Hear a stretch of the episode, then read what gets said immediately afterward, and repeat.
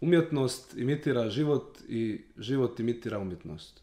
U tom ključu ćemo danas govoriti o epidemiji, o zarazi, o strahu od bliske smrti, strahu od neizvjesnosti, strahu od izvjesne bolesti, strahu od apokalipse i tako dalje u kontekstu savremene kulture, naročito filma i književnosti. Također razgovarat ćemo o efektima trenutne epidemije na društveno-politički ili medijski kontekst. U tom smislu možemo govoriti o koronavirusu kao događaju, događaju koji bi Baudrillard nazvao super provodničkim događajem. Taj događaj je virulentan, sveprisutan, zahvaljujući medijskoj mašineriji koja ga uvećava, širi i iznova kreira. Kao takav događaj Baudrillard navodi na primjer terorizam. Superprovodnički događaj utiče na sve sfere života, ekonomsku, socijalnu, političku, pa i kulturnu. Naš sagovornik danas je kritičar Balša Vukčević, koji će nam govoriti, koliko nam vrijeme bude dozvolilo, e, o svim ovim aspektima. Balša, dobrodošao. Hvala Mato, bolje te našao. Čast mi je da gostujemo u emisiji ovog tipa. Hvala. Hvala. Ovaj, ajde da pričamo prvo, ako hoćeš, o ovom medijskom aspektu koronavirusa. Što da ne? Medijski aspekt je interesantan, jel da? Mi smo svi upoznati sa njim jer mediji prožimaju naš život u njegovim svim porama, tako da mislim da što se medijske strane fenomena virusa tiče, e, E, virus postaje zapravo jedan vid alibija za medijsko umnožavanje i rasipanje govora o konkretnoj stvari, ovdje konkretno o samome virusu. Tako da se zapravo na taj način e, pokušava stvoriti jedna posebna situacija unutar koje se zapravo izbilja karakteriše kao virusolika. I čovjeku kao jedinci se i dijelu njegovog identiteta pripaja taj virus kao njegova sastavna komponenta, kao njegov sastavni dio. Pa je onda, na primjer, bitno da li je pojedinac e, zaražen tim virusom ili nije.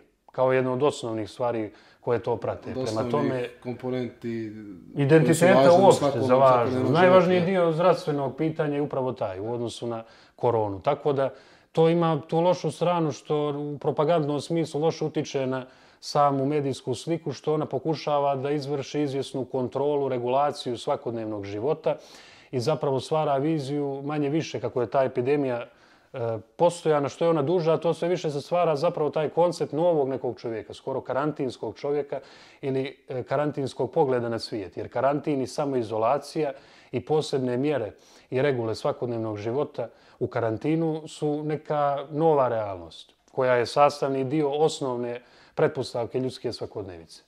Eto, u tom smislu vidim ulogu medija kao ovo na tragu Budrijarove misli superprovodničkog djelovanja. S tim što je sad virus, ontološki utkanu svakodnevicu. Pa je taj čovjek čovjek karantina. Eto.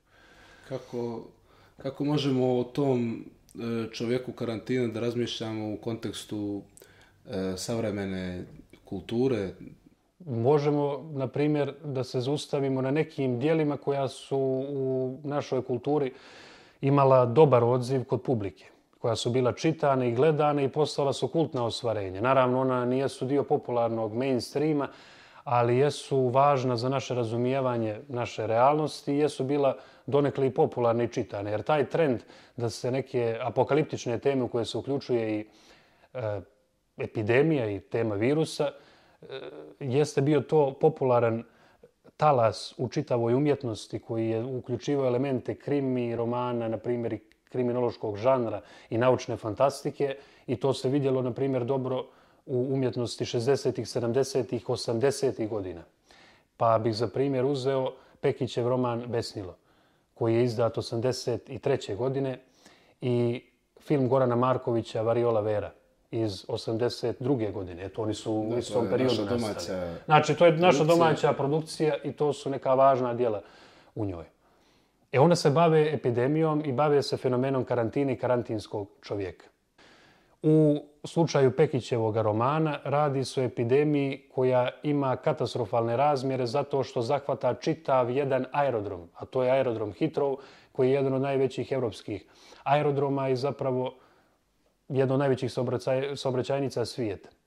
I na njoj se taj virus, na tom aerodromu se taj virus širi i zahvatajući taj aerodrom zapravo taj virus bjesnila počinje da izaziva one najgore osobine kod ljudi. I sad tu bih iskoristio priliku samo da ukratko izdvojim neke dijelove koji su interesantni. Evo, na primjer, kada se govori o Besnilu, ovo je zapravo glas i glavnog junaka koji je u romanu zapravo oblikovan kao pisac. On je došao da prikuplja građu za svoj roman i zatekao se tu i sad vodi dnevnik o svemu što se dešava. I zbog toga je njegov govor isto malo intelektualni, a to inače Pekić kao autor koristi da bi ispoljio vjerovatno sobstvene stavove i promišljanja koja je on imao još od svoje rane mladosti, a ovo je roman koji ipak on napisao u nekoj punoj zrelosti stvaralačkoj. Kaže ovako, za one napolju besnilo je pretnja, a za nas unutra besnilo je način života.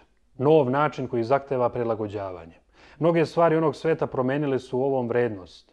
Civilizovana merila preko noći postala su varvarska. Necivilizovana je postala rukovati se s drugim. Neljudski ljubiti. A socijalnost je postala bazična pretpostavka rabdo civilizacije. Opasno okupljanje je proganjano i u tome se nismo razlikovali od starog sveta, ali ono je još više svojevoljno izbegavano i u tome smo bili napredniji. Usamljenost je postala stvar dobrih običaja, ukusa, a ne mizantropije, ekscentričnosti ili paranoje. Potrebe spoljnog sveta postale su naš luksuz, a luksuz nešto čega uopšte nema ni za koga. Uspostavljeni su i neki ideali neizvodljivi napolju. Pod besilom su svi jednaki, kao pred Bogom ili zakonom. Za sada naravno i ovde samo teorijski, jer zaštitne odeće nema dovoljno, pa su je neki iz organizacije karantine imali, drugi su nosili vlastitu, a većinu od virusa još uvijek štitila samo sreće. I kod nas su, dakle, takve okolnosti bile. U toku je formiranje nove filozofije, karantinskog pogleda na svijet. Ona je napolju imao je Boga, duh, materiju, da oko njih obrazuje svoje više nazore, a mi samo besnilo. Besnilo je naša osnovna astronomska veličina, izvor energije koja nas pokreće, njemu je sve podređivano, besnilo je postalo našim Bogom. I moral se prema njemu određivao, dobro je biti rđav, dobro je biti, izvinjavam se, dobro je biti zdrav, rđavo, bolestan. Postalo je dobro ubiti besnog, rđavim je ostalo ubiti zdravog, ali u pogledu ubistva nekoga ko izgleda bolestan, ipak možda nije još vladaju sum. Eto, vidimo onda tu malo ironično kako se zapravo to e, razvija, taj karantinski pogled na svijet. I konačno Možemo da poučemo to... mnoge paralele sa ovim što se kod nas dešava. To. Možemo da zamislimo da takav karantinski čovjek se pojavljuje i danas u karantinima širom svijeta. Možemo. I, karan, i karantinski način funkcionisanja koji tu ovaj, svjedočimo.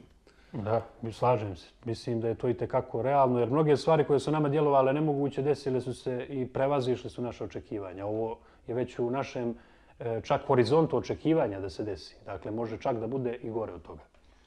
E, kako možemo da razmišljamo o, tu si ti pomenuo, e, ljudi napolje imaju Boga, to jest mi kad smo bili napolje imali smo Boga, a ovdje imamo samo besnivo. E, kakav je e, odnos čovjeka danas, ali i odnos čovjeka nekad u vrijeme recimo velike kuge u srednjem vijeku, prema smislu epidemije, nesreće koja je zadesila ljudsku vrstu? Pa jedna velika i upadljiva razlika ili nešto što se može uzeti kao distinktivno obilježje bila bi upravo motivacija, odnosno porijeklo tog virusa, te epidemije. Odakle je to? Pa u onim starim vremenima, ne sad možda drevnim, antičkim, pa i u njima, ali i u ovim srednjevjekovnim i onim kasnijim, kad je religija još uvijek u 19. vijeku, uglavnom, kažu u nekim razmatranjima teorijskim, bila zapravo stožer jeli, čovjekovoj karakterologije njegovog života, uređivala svaki njegov segment, onda je zapravo epidemija objašnjavana kao jedna vrsta kazne od Boga i upozorenja. Brojne su bile procesije vjernika i vjerskih sekti koje su javno samobičevanjem, raznim puritanskim radnjama pokušavale da E, gospodu daju jednu vrstu žrtve. Uglavnom, te procesije su bile dio svakodnevice u, na primjer, e, eposi Crne smrti kuge 1347. do 1350.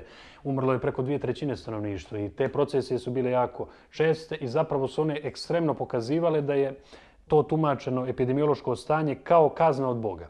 A danas mi imamo jednu paradoksalnu situaciju da tu to tumačimo tako što je čovjek e, denaturalizovao prirodu, on je prirodu eksploatisao i eksploatiše i dalje, onda priroda to njemu vraća i sveti se. Zapravo kao da je priroda nekakav pantistički duh koji sad pokušava da nas...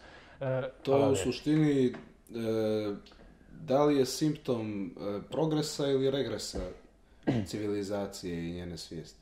Može neko da kaže da su oba, oba ta pristupa možda naivna i da je u svakom slučaju svaka epidemija prošla, nije nikad došlo do apokalipse kako se vjerovalo u srednjem vijeku, ali da li je možda još naivnije e, od e, uvjerenja totalnog da je to apokalipsa, ovaj, to današnje neko promišljanje toga kao neke osvete prirode, to je u stvari vraćanje ona baš primitivna mitološka shvatanja.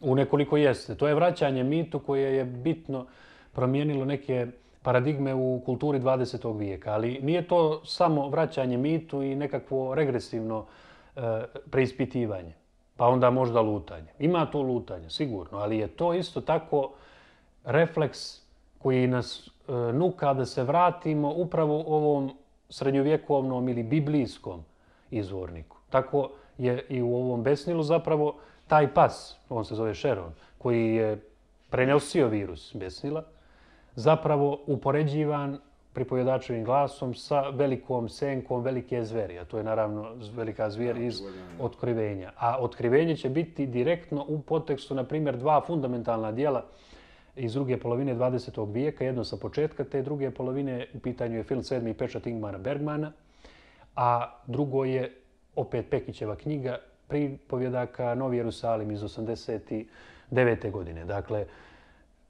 u uvodnoj pripovjedci mi vidimo to najbolje, ali vidimo i po samim naslovima.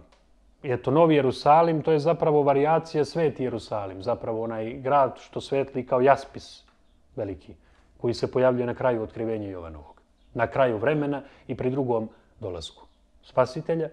A u ovoj pripovjedci tema, tematika je vezana za tu epidemiju crne smrti kuge iz srednjeg vijeka. E sad to isto tako i u sedmom pečatu kod Bergmana. Isto je, ista je maltene godina, isti je period, isti je kontekst. Samo što je kod Pekića e, mjesto dešavanja u Grčkoj, a kod Bergmana je negdje na sjeveru Evrope u nordijskim zemljama.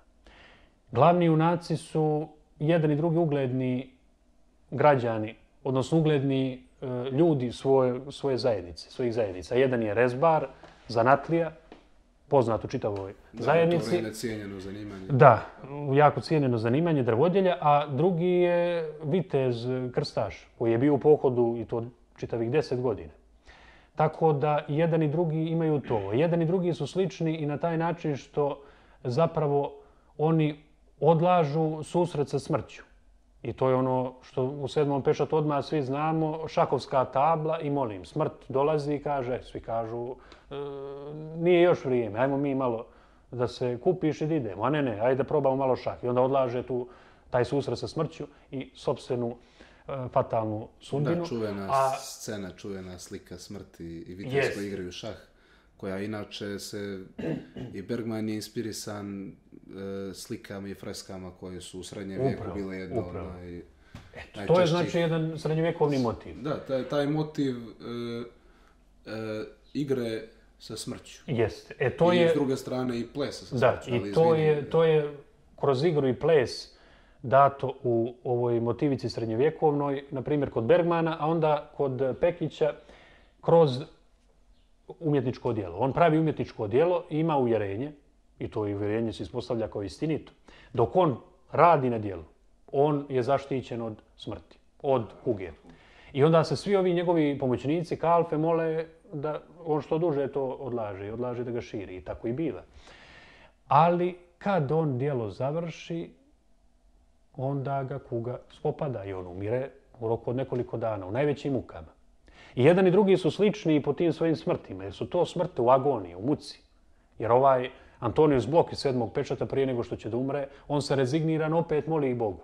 A upada u čegrst sa svojim prijateljem koji mu je bio pratilac, koji ostaje dosjedan u onom stavu da on razočaran dešavanjima u svijetu, traži od Boga znanje, a ne vjeru. I ne želi da mu se moli ni u tom posljednjem trenutku. Dakle, to su neke krizne situacije koje spajaju, na primjer, ta dva junaka i uopšte vidimo kako su podudarne te e, situacije u oba dijela. I ovo što sam pomenuo, flagelanti procesije, to se vidi zapravo i u Novom Jerusalimu, u Megalos Masoras, u toj pripovjeci i u sedmom pečatu. Dakle, vrlo bitne, light motivski prisute na više mjesta, na početku, sredini i kraju, na najvažnijim kompozicionim mjestima dijela, e, procesije i samo mučenje, samo bičevanje, koja zapravo govore o ovoj motivaciji religijskoj, da je to zapravo kazna od Boga. Pa ćemo se sjetiti da u sedmom pečatu model porodice opstaje i oni preživljavaju epidemiju. To su Marija i Josif. Dakle, opet aluzija je direktna na zapravo na Bogorodicu i na to nasljeđe novozavjetno. Tako da ostaje tračak nade, kao što ga religija uvijek daje. Jer kakva bi religija bila ukoliko bi ostala na onome što je, na primjer, vješto iskoristio i Pekić, a vješto isto iskoristio i Selimović, da je čovjek uvijek na gubitku, kao pseudo citat iz Kur'ana.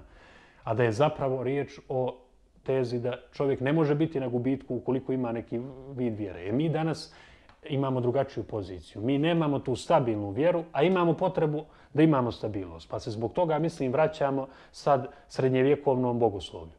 A s druge strane imamo ovaj povratak mitu, ali onom primitivnom, tribalnom mitu i pantističkom promišljanju. Eto, to je nešto što je zajedničko i htio sam da izvojim samo jedan kratak citat. Kratak je ozbiljno. da sad ćeš čuti. Iz eh, pripovjetke Megalos Mastoras i njegovo delo 1347. u kome se govori o tom kontinuitetu pandemije. Kaže ovako. Zaraza nije ni prva, jamačno, ni posljednja. Pre ove izbi 542. u Arabiji i Egiptu, a stiže čak do Britanije. Za vreme blagopočevšeg Vasilevsa Justinijana umiralo se od nje kao i do sada. A i ranije. I Perikle je jednu bolest eh, zapamtio, samo joj ime nije znao. Svet je preživeo i onda se mislilo da mu je došao kraj. Svaki put se mislilo da je kraj sveta. Mnogo je ljudi pomrlo. To je istina.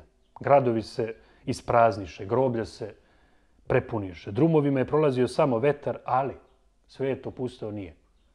Razbojnik i car, mudrac i luda rađaju se bez mogućnosti da dar tvorca na delu utiče.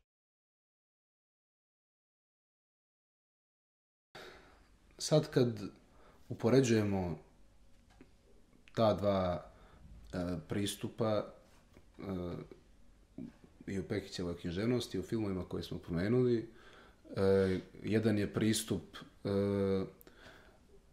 nek, jedna je jedna e, fu, e, futuristička e, slika savremena ili bliske budućnosti, i savremenog ili budućeg čovjeka u, u ovaj susretu s epidemijom, druga je slika e, srednjovjekovnog čovjeka i srednjovjekovnog svijeta u susredu sa epidemijom.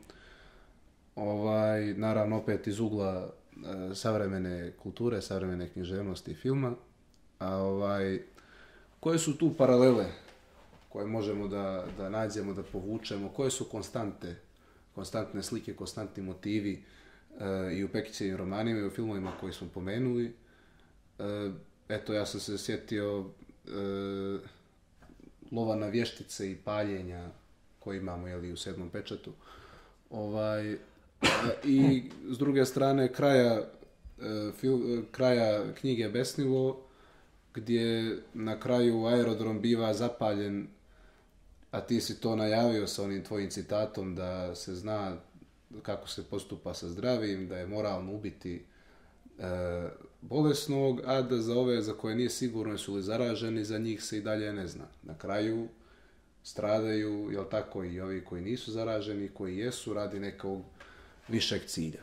Znači, s jedne strane paljenje vještica, s druge strane paljenje potencijalno zaraženih, sve zbog nekog višeg cilja, eto, jedna od paralela, ne moramo na to da se osvrnemo, ali koje možemo da nađemo mi tu glavne sad paralele? Pa paralele su sve manje više u vezi sa moralnom relativizacijom zločina koji se vrši. Jer to jeste opet zločin u kriznim situacijama kada nemamo navodno vremena ni mogućnosti da nekoga procijenimo, niti da ga poštedimo, jer može da bude opasno za sve, pa onda ili ga izoluj ili ga ubij. Tako je bilo sa vješticama, upravo u sedmom pečatu, to je djevojka koja je sasvim bezazvena, ona nije ni zrela, nije ni osvarena uopšte ovako u životu, dakle, utoliko je veća njena tragedija da je tako završila. A svi ostali u filmu kažu, evo zašto smo bespomoćni. E ovakve mi djevojke kao vještice spaljujemo, zapravo u njenim očima mi vidimo našu bespomoćnost, naš strah, naše nemoći. Da, I sve ono što mi proživljamo. Imamo s druge strane čutanje koje dokazuje tu bespomoćnost. Čutanje da. Cijele publike koja gleda paljene vještice i koja je prema tome u neku ruku ravnodušna, to jest ne reaguje, ne uključuje se, nego e, stoji da. po strani. To je, to I imamo to i u neku ruku sa ovim paljenjem aerodroma koje biva moralno opravdano na neki način. Znači... Pa evo, ja bih pročitao sad dio iz romana, to je zapravo malo te sam epilog koji baš govori o tome kako se sve to sagledava nakon paljenja. Mislim da je prilično onako dobro i precizno to tumači. Kaže, to je neka vrsta opominjuće završnice, jeli? Kaže ovako pripovjedaš, treba će vremena, napora i novca da se sve to poravi od udarca koji su njegovom već prilično oštećenom osjećanju sigurnosti naneli ljulski događaj na londonskom aerodromu Heathrow. Još više pretpostavljam vremena, napora i novca da se oni racionalno objasne i dođe do neophodnog saznanja da je propast najveće međunarodne vazdušne raskrsnice slučajna nezgoda iz koje se ne smije izvlačiti prebrzi i defetistički zaključci o ranjivosti, čak i nepodesnosti naše civilizacije. Budimo razumni za ime Boga, pa ne pravimo od komarca, magarca i od privremene mutacije sreće praznovjerna predviđanja o smaku. Naš način života je sasvim dobar. Ja. Eh, ono što nije valjalo, očigledno je besnilo, a njega više nema. Gurajmo dalje. Usuđujem se reći da gurati dalje možemo sad s još više optimizma. Spontano jedinstvo čovečanstva u krizi na Hitrovu, tako dirljivo manifestovano u akciji trupa Ujedinjenih nacija i dekontaminacijonih jedinica Svetske zdravstvene organizacije koje su kremirale aerodrom, dokazuje da se uz malo razume i dobre volje može bar ubijati u slozi. To je neka skoro završni se roman. Da, opominjući kraj i za nas, odličan, ironičan i time možemo da, ja mislim, završimo ovu emisiju. Slažem se. Slažem Dođi nam opet. Hvala vam.